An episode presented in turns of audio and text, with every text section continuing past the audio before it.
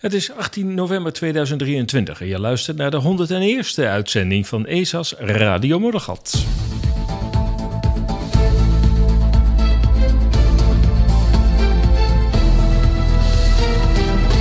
Ja, we gaan vanaf nu niet tellen hoor. 101, 102, 103. Maar ja, dat eerste heeft ook wel iets. Hè. Dat is dus net na die, die honderdste uitzending, die marathon-uitzending van drie uur. Ik hoop dat je hebt geluisterd en dat je ervan hebt genoten. Ehm, ik ben heel benieuwd. Heb je het eh, helemaal in één keer uh, beluisterd? Of heb je gedacht, nou, uh, drie keer één uur is ook mooi zat. Hoe dan ook, in deze uitzending Kennedy. Hij zegt, Israël is voor ons als een vliegdekschip. Wat bedoelt hij daar nou weer mee? Drie jaar ongelijke strijd om de waarheid. Brits parlement loopt weg bij een debat over oversterfte. Waar kennen we dat van? De grote verbouwing van Nederland staat we staan aan de vooravond van de grote verbouwing van Nederland. En verkiezingen. Moeten we stemmen of blijven we thuis? Ja, het zijn zo van die uh, afwegingen in verkiezingstijd en uh, je hoort uh, alles maken daarover. Maar we beginnen eerst met Kennedy. Iedereen die de ambitie heeft om president van de Verenigde Staten te worden, weet dat hij niet zonder loyaliteitsverklaring aan Israël zal slagen. Ook de populaire kandidaat Robert F. Kennedy Jr. weet dat. Zichzelf presenterend als een vredespresident, kan hij Israël momenteel niet afvallen en acht het geweld in Gaza gerechtvaardigd. En hij zegt letterlijk: Israël is als een vliegdekschip voor de Verenigde Staten. Ik heb de koffie natuurlijk altijd weer uh, bij de hand, uiteraard. Af en toe even een slokje uh, natuurlijk. Ik, uh, we gaan even luisteren naar Ken. Wat zei hij nou precies? Israel is critical. And the reason it's critical is because it's a bulwark for us in the Mideast. It's almost like having an aircraft carrier in the Mideast. It's our oldest ally. It's been our ally for 75 years. Um, it has been an incredible ally for us in terms of the technology, the exchange and you know, and building the Iron Dome, which we paid a lot for, has also taught us enormously about how to defend ourselves at home from missiles. So those military expenditures um, are are you know are are all going. Seventy five percent of it goes to U.S. companies under the agreement, under the MOU.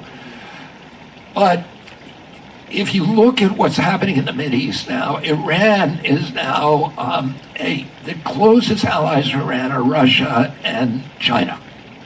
Iran also controls all of Venezuela's oil. Hezbollah is in Venezuela.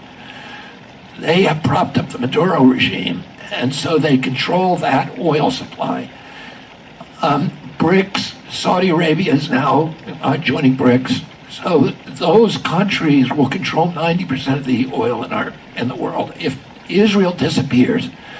Ja, Kennedy zegt: Israël is als een bolwerk voor ons. Het is bijna alsof we een vliegdekschip in het Midden-Oosten hebben. Nou, hebben er inmiddels twee, maar goed.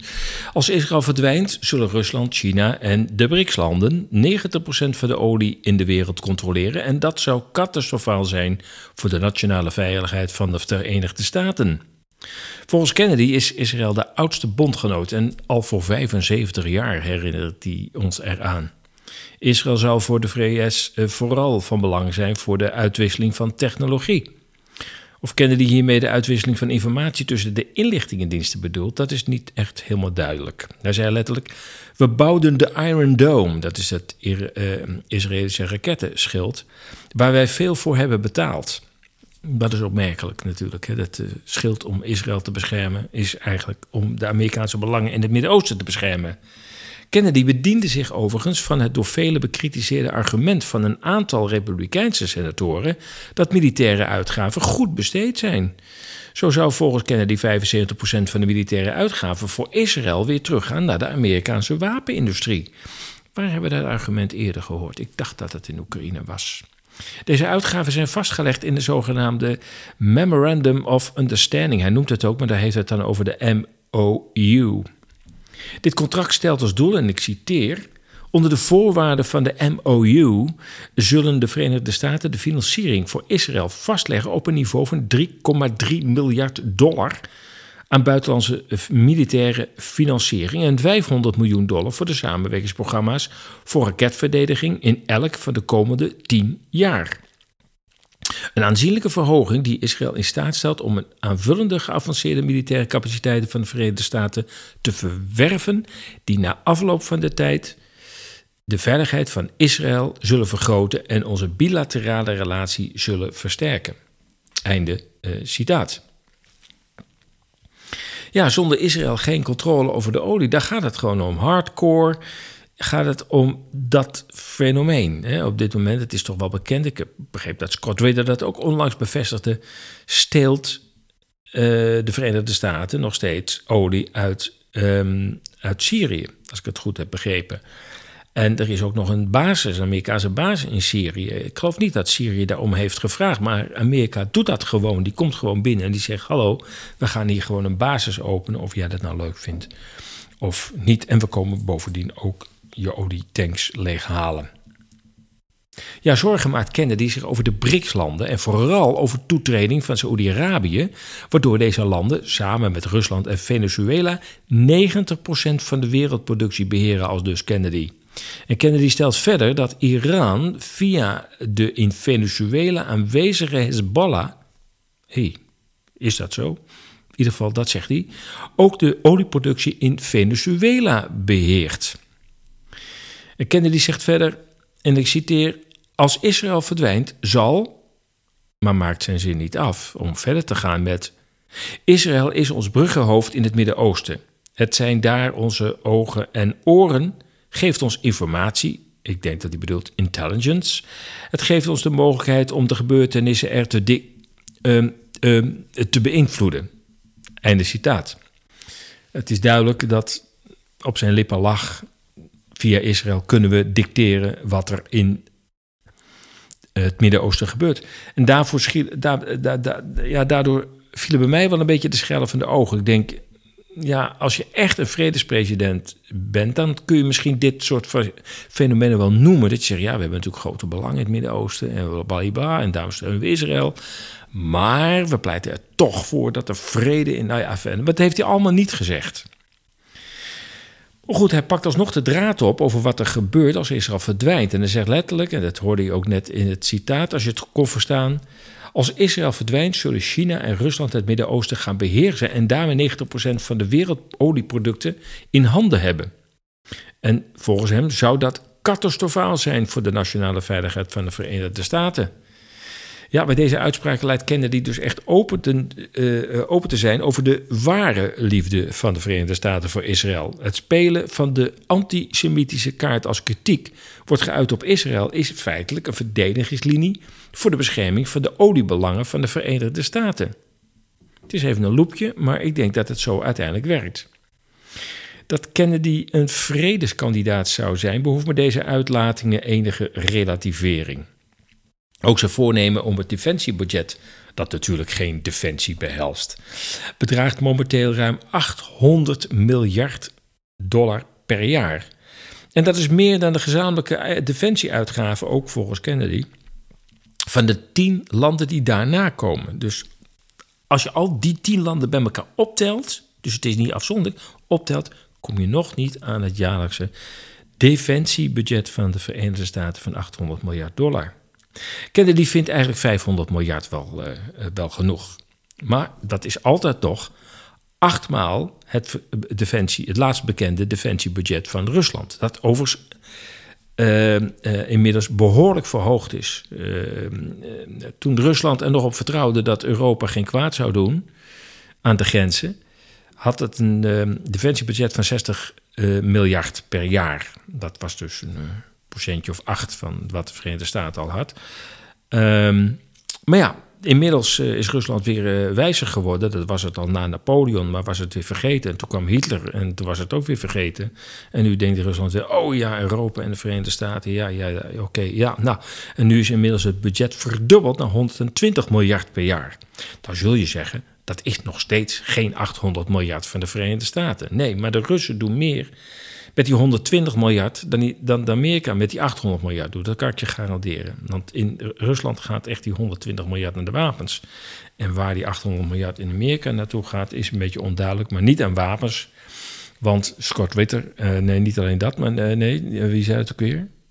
kolonel McGregor die zei: Nou ja, ons, eh, ons, ons, ons leger is, is in deplorabele staat. Dus ja, waar gaat die 800 miljard in godsnaam naartoe? Goed, dat is hun probleem. Nou ja, Kennedy zegt wel van ja, met die 500 miljard wil ik wel een paar dingen doen. Zoals bijvoorbeeld neutrale gebieden als Antarctica en de bronnen die belangrijk voor ons zijn, zoals olie, beschermen. Nou ja, eerlijk gezegd hoor je hier toch weer gewoon een Amerikaanse president. Ik hoor hier weinig vrede uit, eerlijk gezegd. De marges voor de presidentkandidaat in de Verenigde Staten zijn inderdaad heel erg krap, heel erg smal. Want ja, als je uiteindelijk niet A voor defensie kiest en B voor Israël, dan maak je geen schijn van kans. Ja, ja, ja, ja. Jongen, jongen, jongen, wat een tijden, wat een tijden. Ja, zijn we nou straks in de aap gelogeerd met Kennedy? Wat denk je? Is het nou toch. Is het nou toch een kat in de zak? Ik weet het niet. Of zegt hij dit omdat hij president wil worden en draait hij dan straks dan toch weer om? Ja. Politiek, jongens, politiek blijft ingewikkeld. Ik uh, wil het even met je hebben over Dr. Wendy Mietemeijer Oteman. Wat als je gefundeerd en op ethiek gebaseerde opinies uit op de bekende social media platforms? Dr. Wendy Mietemeijer Oteman weet als medisch-ethisch kompas binnen de farmaceutische zorg inmiddels hoe dat werkt. Je wordt belachelijk gemaakt, gediscrediteerd, van platforms afgehaald of krijgt de meest nare verwensingen. De vaak anonieme critici nemen zelden de moeite om hun tegenwerpingen ook maar in de geringste mate te onderbouwen. Onderstaand, ik ga het direct aan je voordragen. Nou, voordragen klinkt wel heel heftig, maar goed. Ik, uh, ik, ik, ik lees voor wat in ieder geval uh, Wendy op Twitter onlangs, op X onlangs, schreef over haar ervaringen. Die zijn schokkend. Het zal je uiteindelijk dan toch ook wel niet verbazen. Maar dit is een, het is een vrouw die zeg maar, in de medisch-ethische uh, sector van de farmacie werkt. Hè, dus beoordeelt de farmacie op medisch-ethische aspecten. Ja, dat maakt het natuurlijk sowieso al niet erg populair. Want ja, hoezo ethiek in de medische of in de farmacie? Ik geloof dat daar geen ethiek is. Um, maar goed, zij heeft zich natuurlijk de afgelopen drie jaren heel erg geprofileerd, juist op die ethiek rond die, rond die prikken. Um, Wendy uh, Mietermeijer Oterman, ik noem hem maar even uh, Wendy uh, voor de rest van het gesprek, promoveerde in 2006 op de neurobiologie van verslaving. Sinds 2010 is hij werkzaam als medisch ethisch kompas binnen de farmaceutische zorg en sinds 2015 eigenaar van het bedrijf Medical Matters. Zo adviseert zij bedrijven en instellingen op het gebied van ethiek en geneesmiddelencommunicatie. In haar werk vormt de wetenschap de basis en staat de patiënt altijd centraal. Wendy gaat de boes niet uit de weg en nieuwsgierigheid is nieuwsgierig op zoek naar de verschillende visies. Haar ambitie ligt in het slaan van bruggen tussen academie, zorg, pharma en maatschappij. Mietemij spreekt ook sinds november zich uit en heel actief uit over ethische kwesties betreffende het coronabeleid. Ze schrijft opiniestukken en was onder andere te gast bij De Nieuwe Wereld. Ook schreef zij het voorwoord van het boek Pandemische Chaos. En dit is wat zij op Twitter schreef onlangs. En ik citeer. Al drie jaar lang word ik op social media door trollen en zelfbenoemde debunkers beledigd, bedreigd en gerapporteerd. Wanneer de content van mijn posts hen niet aanstaat en ingaat tegen de coronaverhalen van de overheid, in een poging mij de mond te snoeren spelen zij veelal op de man, niet op de bal. Veel van deze mensen hebben direct of indirecte banden met de zittende politieke partijen. De trollen zitten samen in appgroepjes en stemmen de narratieven en de censurerende acties af onder het mom van desinformatiebestrijding. Een bekende van een van de ministers diende een klacht in bij een voormalig opdrachtgever van mij. Een oud Kamerlid wenste mij vijf jaar eenzame opsluiting toe. Een denktentlid heeft binnen mijn sector getracht mij publiek te framen en aangegeven dat mijn content gecensureerd moet worden.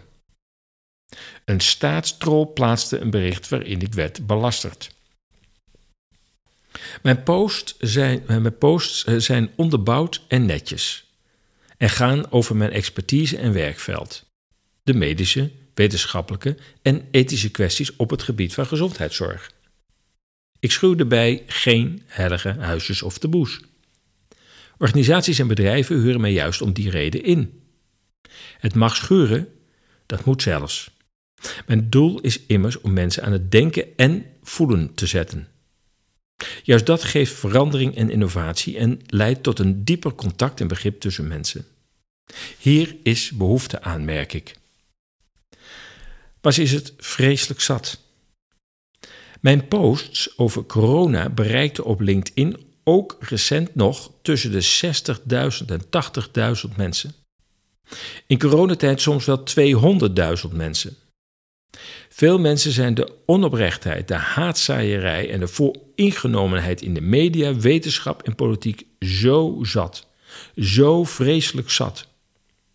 Wekelijks ontvang ik lieve berichten van mensen uit alle lagen van de bevolking en van overal ter wereld.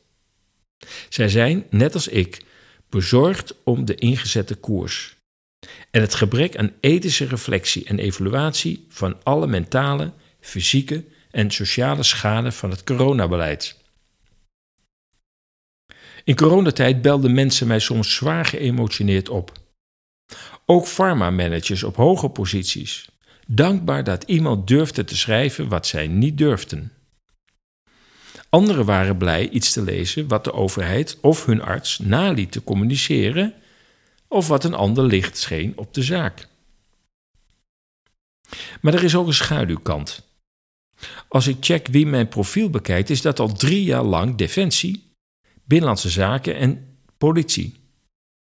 Ik word gemonitord, alsof ik een gevaar ben voor de samenleving. Sinds ik mij bezighoud met vaccinatieschade, WOP-documenten, de denktank Desinformatie C19 en de spoedwet, word ik, zo lijkt het, nog zwaarder in de gaten gehouden en worden mijn berichten nog vaker onderdrukt of verwijderd. Ook nemen medewerkers van de overheid soms contact met mij op, zogenaamd omdat zij fan van mij zouden zijn en mij willen ontmoeten. Deze week is voor de derde keer in drie jaar mijn professionele LinkedIn-account zonder opgave reden verwijderd. Velen gingen mij al voor. Meestal krijg je dan eerst zes weken radiostilte en dan een medewerker die zichzelf Heisenberg noemt of iets dergelijks, die iets prevelt over desinformatie. Hij heeft, eerder, hij heeft echter geen idee wat er dan onjuist is aan de content. Hij voelt, voert slechts een opdracht uit. Er wordt gedreigd met permanente verwijdering. En dan krijg je na een paspoortcontrole meestal je account weer terug. Het voelt al heel normaal, maar dat is het natuurlijk niet. Ik voel me door deze staatscensuur niet meer vrij en ook niet veilig meer in Nederland. Daarom trek ik aan de bel. Of beter, de noodrem. De intimidatie en censuur van de kritische professionals, politici en burgers, onder coördinatie van de censuurorganisatie van de NCTV, moet stoppen. Evenals de Europese wetgeving die onze democratie en vrijheid van meningsuiting blijft uithollen. Het woord desinformatie wordt misbruikt om het staatsnarratief te beschermen en alles dat dat bedreigt in de doofpot te stoppen. Het enige waar dit zal eindigen is in een totalitaire samenleving, waar mensen niet meer anders durven denken of voelen. Waar de staat bepaalt wat waar is. Dat wil toch niemand? Daar, uh, einde citaat, daar uh, eindigt dit, uh, dit stuk mee dat zij op X schreef. Ja, het is een, helaas een verhaal uit, uit duizenden. de, de reeks namen van mensen, van wetenschappers, van kritische journalisten, van artsen, die hiermee te maken hebben gekregen, en over het algemeen nog steeds, die lijst is lang. En ik snap dat heel veel mensen nu langs deze realiteit heen leven of heen willen leven. Lekker op vakantie, een wandeling langs het strand en een biertje van de tap. En eigenlijk afstand willen houden tot, tot deze realiteit waar Nederland nu staat. En ik begin steeds meer te begrijpen. Ja, je weet wellicht dat ik veel rondleidingen heb gegeven in uh, Berlijn. Overigens zijn er nog twee nieuwe aanmeldingen, dus er zijn nog maar vier plaatsen over. Maar goed, dat terzijde. Um, dat ik veel heb verteld over de DDR en over de Stasi, de uh, staatssicherheid, de staatsveiligheid. Um, maar daar vertelde ik over op, op, op een inhoudelijk niveau.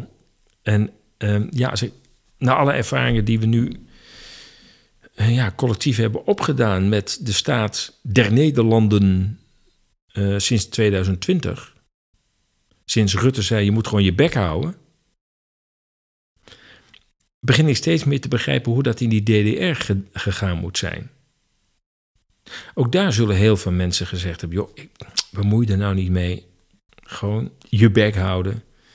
Ik, uh, ik ga lekker met mijn trabantje op vakantie naar de Oostzee, naar Rostock. En uh, zoek het maar uit verder.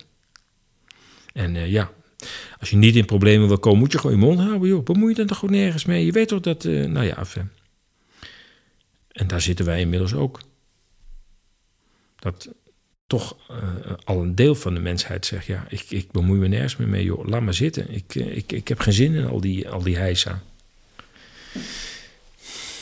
Ja, wat ik uh, vorige week in de, in de marathon-uitzending liet ik ook nog iets horen uit Australië, uit Victoria.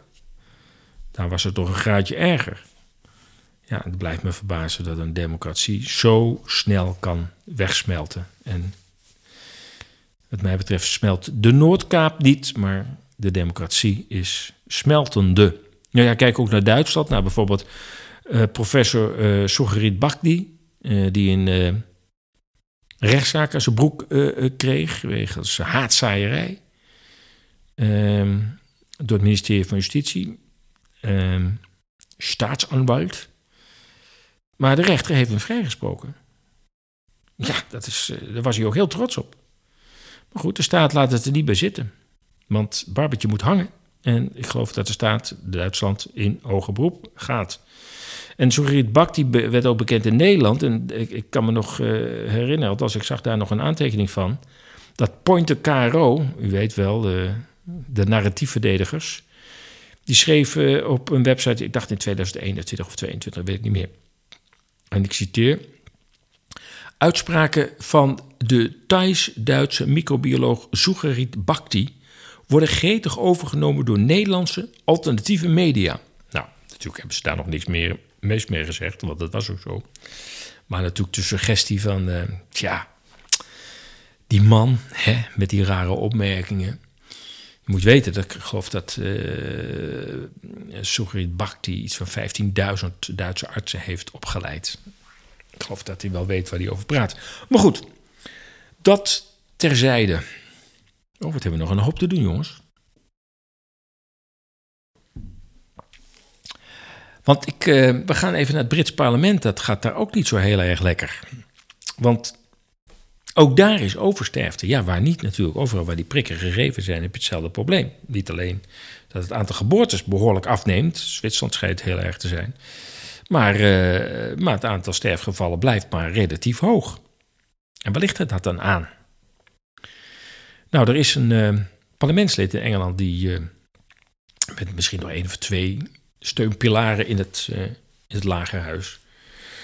Ja, die probeert dat steeds aan te kaarten. Nou ja, je weet al wat er dan gebeurt. Hè? Die man wordt aan alle kanten belaagd. Want daar mag je niet over spreken. Iets wat mij extreem verbaast. Hoe het mogelijk is dat een samenleving, in ieder geval de representatieve deel daarvan, wat, althans ze zeggen dat ze de samenleving representeren. Dat die absoluut weigeren om gewoon een onderzoek te laten doen. Er is iets aan de hand. En men wil het gewoon niet weten. En ook dan verwijs ik toch ook weer naar Duitsland, naar de Tweede Wereldoorlog. Ik denk dat heel veel mensen in de jaren 1930, 1940, dus niet de oorlogsjaren, maar de, de jaren ernaartoe, ook veel dingen hebben vermoed. Maar dacht ik wil het ook niet weten ook. En zeker toen uiteindelijk in 42 het vernietigingsprogramma begon. In, uh, in de vernietigingskampen. Ehm, ja, ik denk dat omdat daar zoveel mensen bij betrokken waren, dat er ook geruchten gingen. En dat ook heel veel mensen zullen hebben gezegd: ja, sorry, ik, uh, ik wil het gewoon niet weten. Maar ja, toen waren de straffen, de sancties natuurlijk vele malen zwaarder dan nu. En zelfs nu wil men het niet weten. Ik, dus verbijstering, uh, ik blijf in verbijstering achter als ik dit soort dingen zie. Maar goed, het Britse parlement. Ook daar de olifant in de kamer, namelijk de hoge oversterfte. Ook in Engeland. En niet duidelijk is wat de oorzaak is. Nou, de media lanceren de meest absurde redenen, waarbij zelfs klimaatverandering als mogelijke reden wordt genoemd. Het Brits parlement, eh, parlementslid Andrew Bridgen is een van de weinigen die een onderzoek eist. Na twintig afwijzingen om hierover in het laaghuis te mogen spreken, twintig keer werd hij afgewezen om dit onderwerp te agenderen, kreeg hij op 20 oktober jongstleden eindelijk de gelegenheid. Maar hij sprak tegen een vrijwel lege zaal. Oversterfte? Niemand wilde van weten. Die oversterfte in de wereld werkt natuurlijk bij veel medici grote zorgen.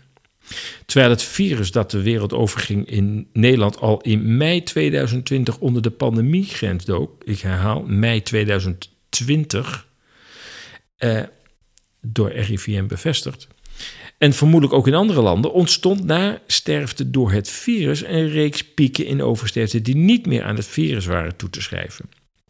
Het probleem bij de vraag waardoor de post-COVID-oversterfte wordt veroorzaakt, is dat er geen eenduidig cijfermateriaal is.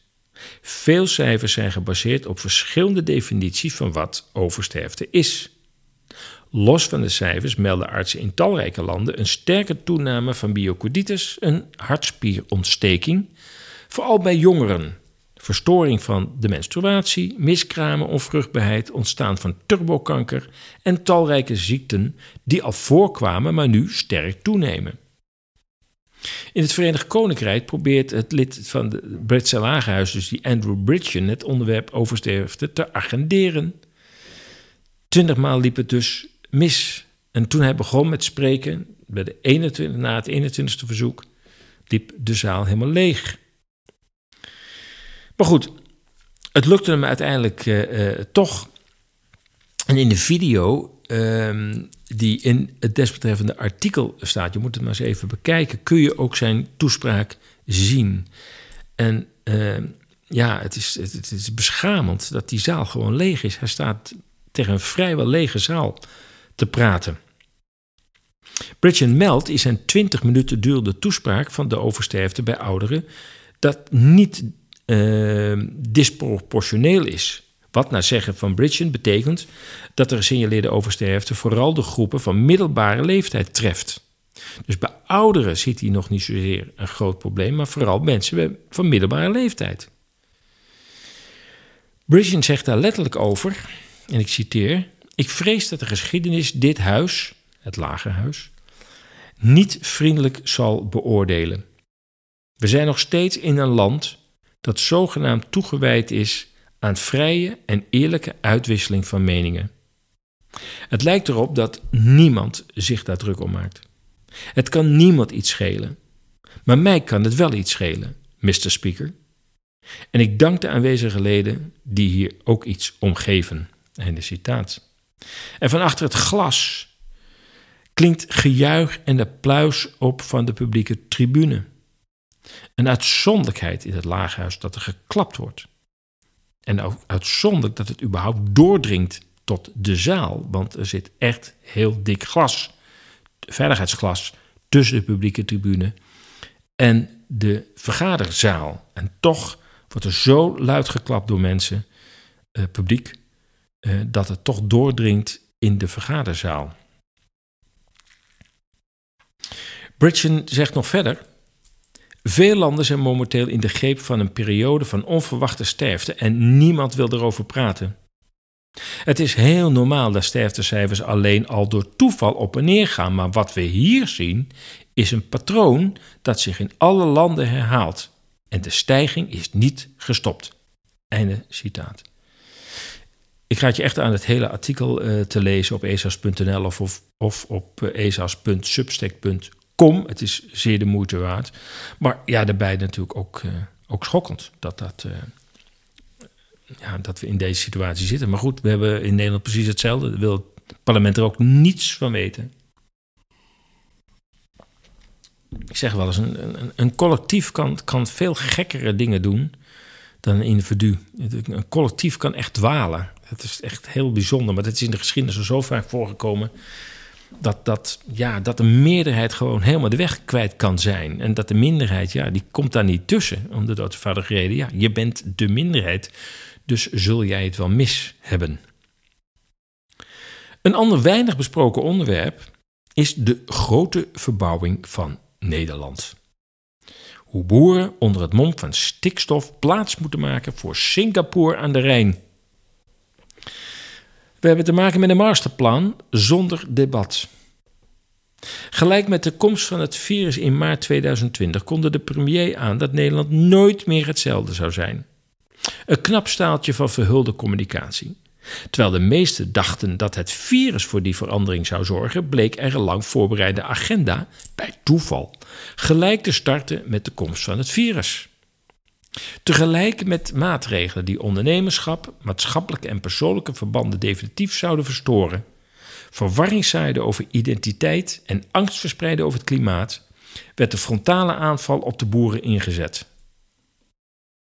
En misschien vraag je je af: waarom moeten de boeren van land af en de vissers van zee? Hoe komt het dat boeren en vissers bereid zijn tussen aanhalingstekens hun beroep op te geven dat er generaties lang in de familie is? Wat is de achtergrond van de wereldwijde natuurbeschermingsmaatregelen of vermoeden je al een verkapte onteigeningsagenda? Wat heeft het onteigenen van boeren en hun land met Natura-gebieden en smart cities te maken? Waarom is het bijna onmogelijk om je eigen woongemeenschap te starten? Waarom woont meer dan de helft van de wereldbevolking in steden? Waarom voeren onze lokale, regionale en nationale overheid een VN-beleid uit? Waarom krijgen ondemocratische organisaties als NGO's steeds meer land onder hun beheer? En wat zijn de risico's van dit alles voor onze voedselvoorziening? Er is een campagne opgestart die heet Koers 2030. En de website is koers2030.nl. Dat is een initiatief van de andere krant, Solar Report van Catherine Austin Fitz en van ESA's Radio Moddergat. En um, in die campagne vragen we aandacht voor deze grote verbouwing heel veel mensen hebben nog niet in de gaten wat dat allemaal zou kunnen betekenen. Die grote verbouwing is een paraplu voor heel veel verschillende plannen. Waaronder meer natuurgebieden, striktere natuurbescherming, meer ruimte voor wonen, meer ruimte voor windturbines, meer ruimte voor zonnepanelen. En meer ruimte voor militaire oefenterreinen. Want ja, de internationale situatie vraagt daarom. Nou, zegt dat is ook toevallig. Maar zo staat het er in ieder geval. Ja, nu is het, uh, het lijkt erop, boer eruit, wolf erin. Met stikstof als gezocht argument werd de jacht geopend op de grond van de boer. De oplettende lezer vermoedde nog wel dat de grote instroom van nieuwe Nederlanders de druk op de woningmarkt tot ongekende hoogte zou opstuwen en dat er minimaal twee maal een stad als Amsterdam bij zou moeten worden gebouwd om binnen afzienbare tijd iedereen te huisvesten. Wat velen niet konden vermoeden is het feit dat hier lang geleden buiten Nederland opgestelde plannen ten uitvoer werden gebracht. Het grote groene arsenaal van boerenland moet vrij worden gemaakt voor meganormale dromen, voor een soort Singapore aan de Rijn. Nederland wil veel meer inwoners, meer windmolens, meer militaire terreinen en echter wildernis met wilde dieren zoals de wolf. De wolven worden met miljoenen aan subsidie ondersteund. Een hele reeks van adviesclubs varen hier wel bij. Vers voedsel eruit en fabrieksvoedsel erin. De omvangrijke verbouwing zal voor veel mensen, en niet alleen voor boeren en vissers, ingrijpende gevolgen hebben. De opkoop van minimaal 3000 boerderijen, ook duurzaam producerende, zal gevolgen hebben voor de productie van vers voedsel. In totaal zijn momenteel 50.000 boeren actief. Het aantal van 3000 lijkt dus te overzien. Echter, de vraag is of het hierbij zal blijven. Want als je de grote verbouwingsplannen leest, denk je, daar redden we het niet mee. Het verminderd aanbod van verse producten als groente en vlees zal in ieder geval de, de prijs gaan opdrijven. Ondertussen worden miljarden besteed aan het uitkopen van boeren en vissers en hun voedsel te vervangen door insecten, kweekvlees en farmaceutisch voedsel, die op dezelfde manier worden geproduceerd als farmaceutische middelen. De greep naar goedkoop fabrieksvoedsel in handen van enkele grote multinationale bedrijven zal voor mensen met een kleine beurs het alternatief zijn. Veel voedsel zal uit handen komen die minder eisen stellen aan productiewijze, voedselkwaliteit en milieu. Stikstof is een modelmatig probleem dat van onbewezen aannames aan elkaar hangt. Het gaat niet om stikstof, maar om boerengrond. Bovendien, planten hebben stikstof nodig. Een boer die zich wilde laten uitkopen door zijn koeien weg te doen. Die zei, nou ja, weet je wat, oké, het gaat jullie dus toch om stikstof. En, eh, en, en het veroorzaakt mijn, koeien. Oké, nou, koop me 150 koeien maar op.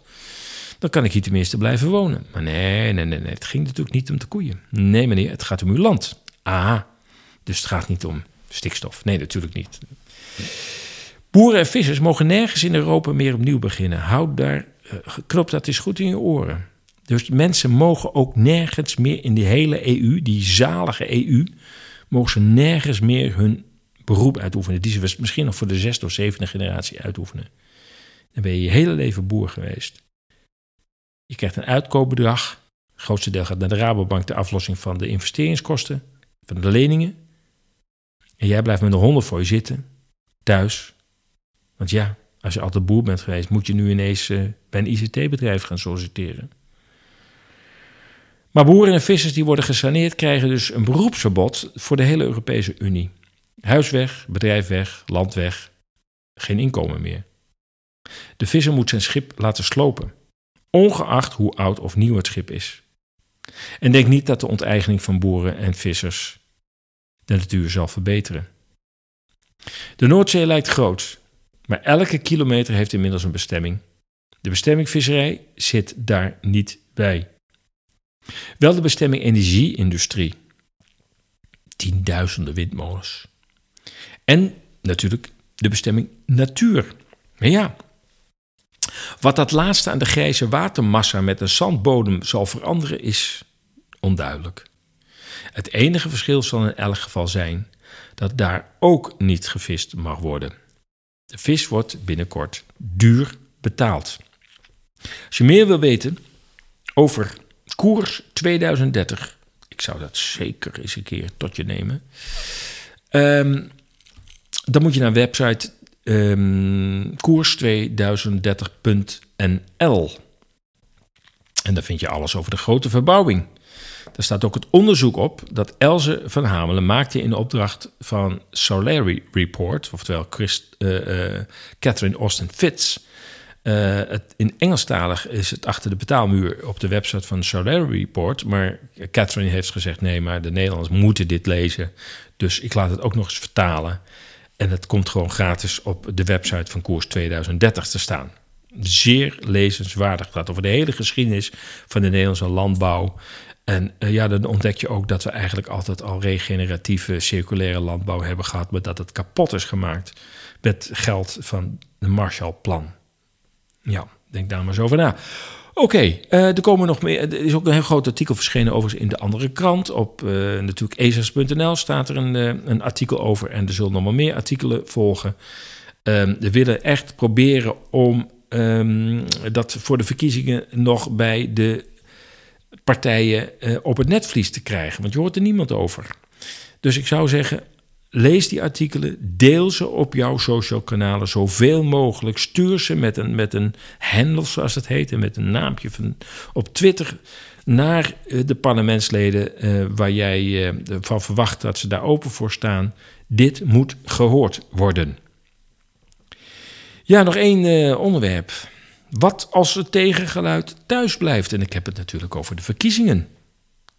De afgelopen jaren is voor miljoenen mensen een moeilijke tijd geweest. De overheid heeft op onverdedigbare gronden miljoenen mensen uit het openbare leven buitengesloten. Middenstanders met lockdowns het leven zuur gemaakt. Burgers getreiterd met oneindige eh, onzinnige mondkappen.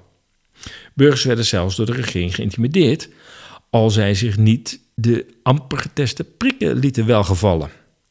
Er is gelogen, er is bedrogen.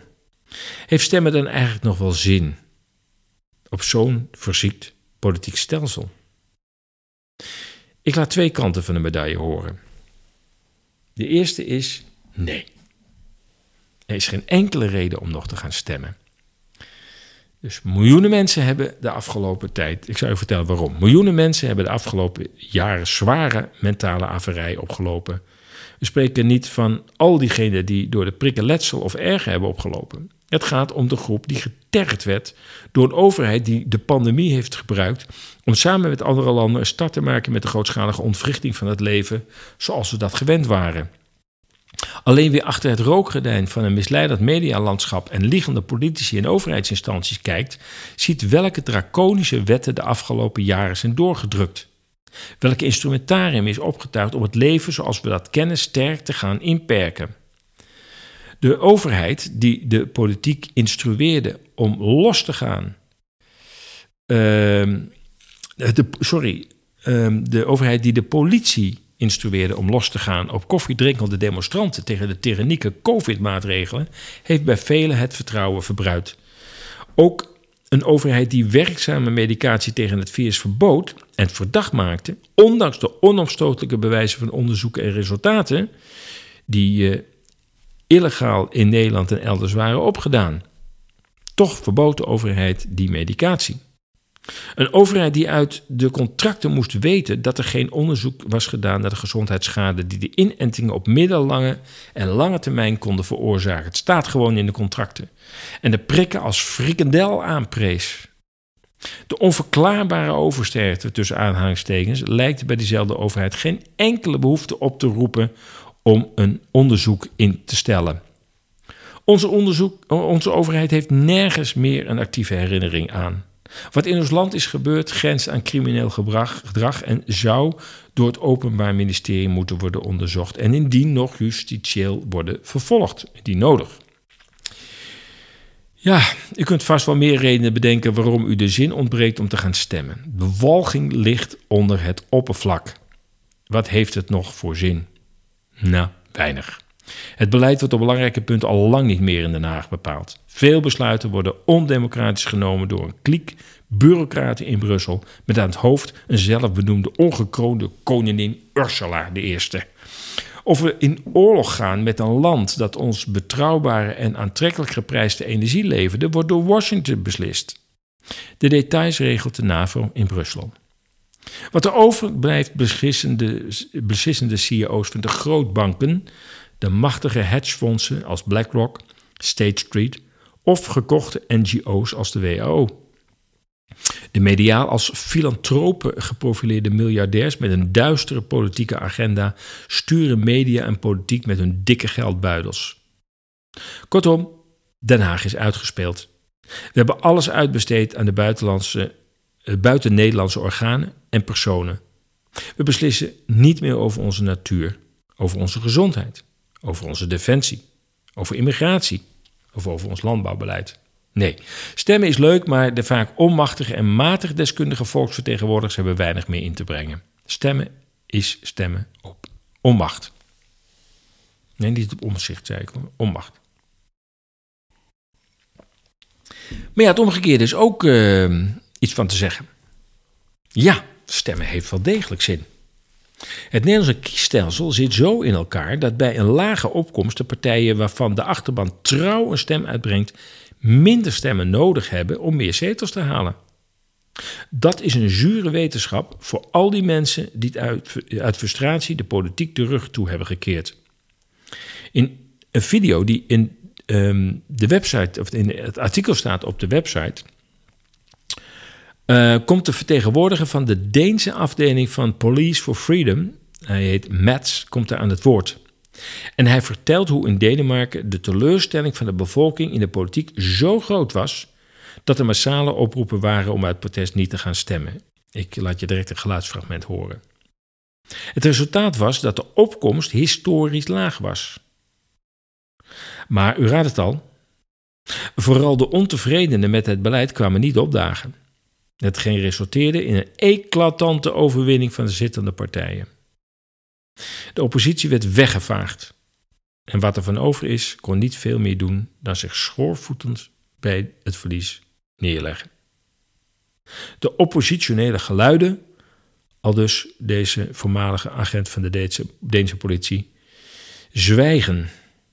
En de veel bekritiseerde zittende partijen kunnen nu doen wat hen goed dunkt. Hi guys, this is Mads from Police for Freedom from Denmark. I've spoken recently to Dennis Spanstra, um, who's advised me of your upcoming elections that's coming in Holland, and I wanted to share with you a story from what happened at our last elections here in Denmark.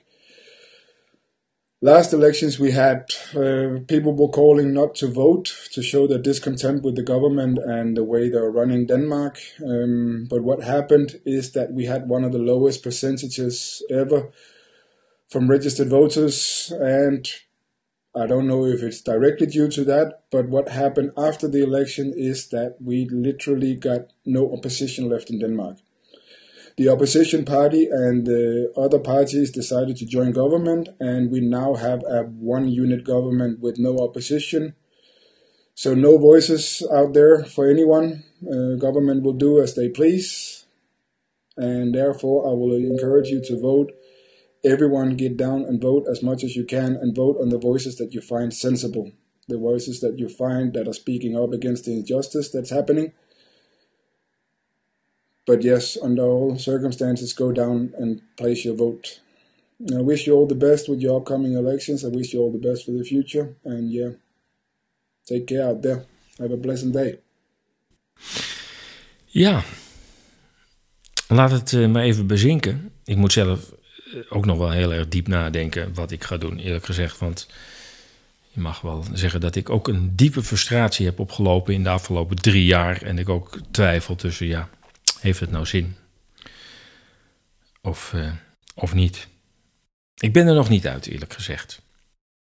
Waar ik wel uit ben, is dat, uh, dat ik naar Berlijn ga. 23 maart ben ik daar om een rondleiding te geven. En het gaat harder dan ooit. Uh, inmiddels uh, uh, heb ik nog maar vier plekken over. En er hoeven nog maar twee stellen, duo's, zich aan te melden. En het is op de pop. Want het aantal personen is maximaal acht.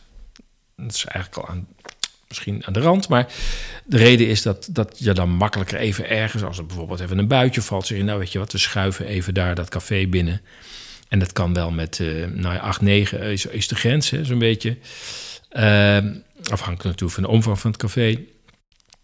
Uh, maar als je met 20 man loopt, uh, ja, vergeet het maar. Dan uh, zul je door moeten lopen. En ik heb ook wel groepen gehad met 80, van 80 man. Weliswaar met drie collega's uit Berlijn. Maar ja, dan, dan moet elke stap moet gepland worden.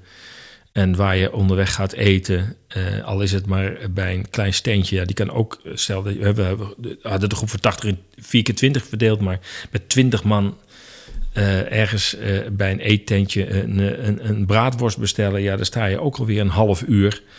Um, en, en er moeten vier groepen moeten dat ergens doen. Dus, en die moeten dan qua route precies op zo'n plek. Nou ja, dat is echt een, hele klus. En met, uh, met zes of acht man is dat uitstekend te doen. Dan ben je lekker wendbaar. En als iemand zegt, goh, ik wil daar nog eens even kijken. Nou ja, dan kunnen we nog een afslagje maken. Weet je, nou ja, dat is mogelijk met, met een kleine groep. En dat geeft ook dat je met elkaar in gesprek komt. Hè? Dus niet alleen maar luisteren naar mij, want ik doe die rondleiding. Um, maar ook um, met elkaar in gesprek komen. De mensen komen allemaal via ESAS, uh, boeken ze.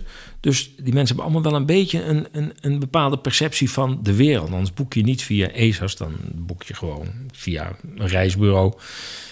Uh, dit is toch anders. En ik heb het al gemerkt, ik heb al twee um, tours achter de rug in dit jaar. Uh, en ja, je merkt uh, dat er een bepaald denkframe in die groep zit, waardoor er ook heel open gediscussieerd kan worden, gesproken kan worden. En uh, ja, dat is gewoon heel erg prettig, kan niet anders zeggen. Thomas en Eindebrei, ja, dit wordt geen marathon-uitzending hoor, van drie uur. Absoluut niet. We houden het nu bij, uh, ik zie 50 uh, uh, minuten. Ben ik nog wat vergeten? Ja, altijd, ik heb het vaker, dan sluiten we de boel af en dan gaat de zender weer uit. En dan denk ik, ach, dat wilde ik ook nog zeggen. Maar volgens, mij, volgens mij niet. Het is gewoon einde verhaal. Je luisterde naar een uitzending van ESA's Radio Moddergat. Als je deze podcast waardevol vond, ondersteun ESA's dan met een donatie, een lidmaatschap of aankoop van een van onze magazines of dossiers. Maak het bereik groter van ons en deel deze podcast van Radio Moddergat op je social kanalen. Je kunt ESA's volgen via onze nieuwsbrief, RSS, Telegram en Substack. Kijk voor meer informatie op ezas.nl. Ik wens je een goed weekend. Blijf waakzaam, blijf sterk en tot volgende week.